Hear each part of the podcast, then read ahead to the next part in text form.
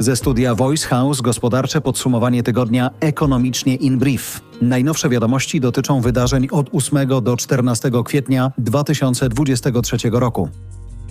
Najciekawsze rzeczy w ciągu tygodnia działy się na naszym rynku walutowym. Dolary potaniały od ostatniego piątku o blisko 10 groszy, a w czwartek ich kurs na moment spadł nawet w okolice 4 zł i 18 groszy, czyli najniżej od marca ubiegłego roku. Kurs euro pierwszy raz od czerwca był poniżej poziomu 4 zł i 63 groszy. Na giełdzie zaś indeks WIG 20 od ubiegłego piątku poszedł w górę o ponad 5%. Można wskazać kilka przyczyn takiej sytuacji. Jak zwykle najbardziej kluczowe są kwestie globalne, a te zazwyczaj są związane ze Stanami Zjednoczonymi i ich stopami procentowymi. Dolar ostatnio traci, a inne waluty zyskują, ponieważ w ostatnim tygodniu pojawiły się dane pokazujące wyraźny spadek inflacji w USA z 6 do 5%.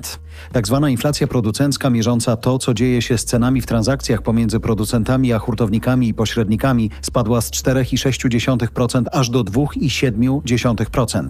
To powód, dla którego inwestorzy są coraz bardziej przekonani o tym, że że Fed wkrótce zakończy cykl podwyżek stóp w Stanach, dlatego dolar traci, a giełdy rosną. Mamy też dwa czynniki lokalne wzmacniające złotego. NBP w czwartek podał, że w lutym Polska miała najwyższą w historii nadwyżkę w handlu zagranicznym towarami przekraczającą 10 miliardów złotych. To efekt wzrostu eksportu, przede wszystkim żywności, która wciąż drożeje i części samochodowych, głównie baterii do aut elektrycznych. Jednocześnie spada wartość importu, bo po pierwsze mamy gospodarkę w stagnacji, więc mniej kupujemy za granicą, a po drugie surowce są znacznie tańsze niż rok temu, więc wydajemy na nie mniej. W efekcie więcej pieniędzy wpływa do Polski niż z niej wypływa, a taka sytuacja zawsze sprzyja sile waluty.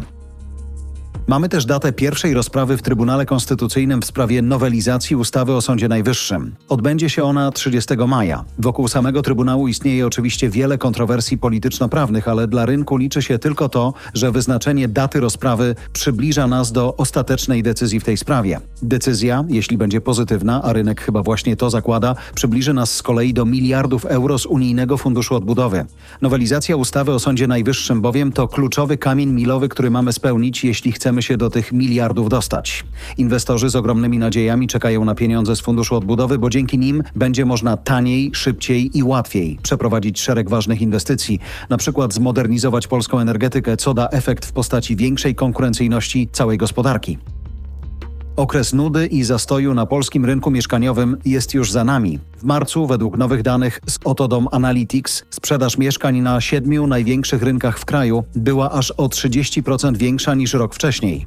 Sięgnęła ona 4800 lokali, czyli liczby największej od stycznia 2022 roku. Zdaniem ekspertów, którzy pracowali przy opracowywaniu raportu, to co obserwujemy dziś na rynku to realizowanie odłożonego w czasie popytu z ubiegłego roku. Analitycy na rynku wskazują też, że mieszkania kupują ci, którzy czekali na spadek cen, ale uznali, że się go nie doczekają. Do tego rynek zmienił się po rządowej zapowiedzi wprowadzenia od tegorocznych wakacji tanich kredytów mieszkaniowych na 2% rocznie. Inwestorzy dysponujący odpowiednio dużą gotówką kupują więc teraz mieszkania od deweloperów, aby za kilka miesięcy sprzedać je drożej kupującym wyposażonym w tani kredyt. Ceny mieszkań według raportu Oto Dom nadal powoli idą w górę. Znacznie szybciej idą w górę ceny cukru. Na razie tylko na światowych giełdach, ale jeśli ten trend się utrzyma, to prędzej czy później nowe, jeszcze wyższe ceny zobaczymy także w sklepach. Na giełdach w środę i czwartek cukier był najdroższy od 2011 roku. Od początku roku podróżał już o ponad 25%. Ten trend zapewne się nie zmieni, bo niestety ma mocne podłoże fundamentalne w postaci coraz gorszych prognoz dotyczących produkcji cukru na świecie. Niższe zbiory są oczekiwane m.in. w Indiach, a także w Tajlandii, gdzie winna będzie pogoda. Do tego rząd Indii ogranicza eksport cukru na rynki globalne i realizuje program rozwoju produkcji biopaliw, w którym także wykorzystywana jest trzcina cukrowa.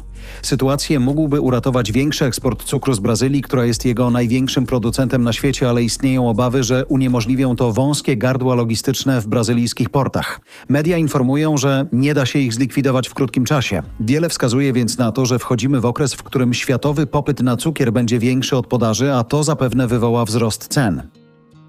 Ten tekst został przygotowany przez redakcję Voice House. Do nagrania użyliśmy sztucznej inteligencji wykorzystującej głos Jarosława Kuźniara.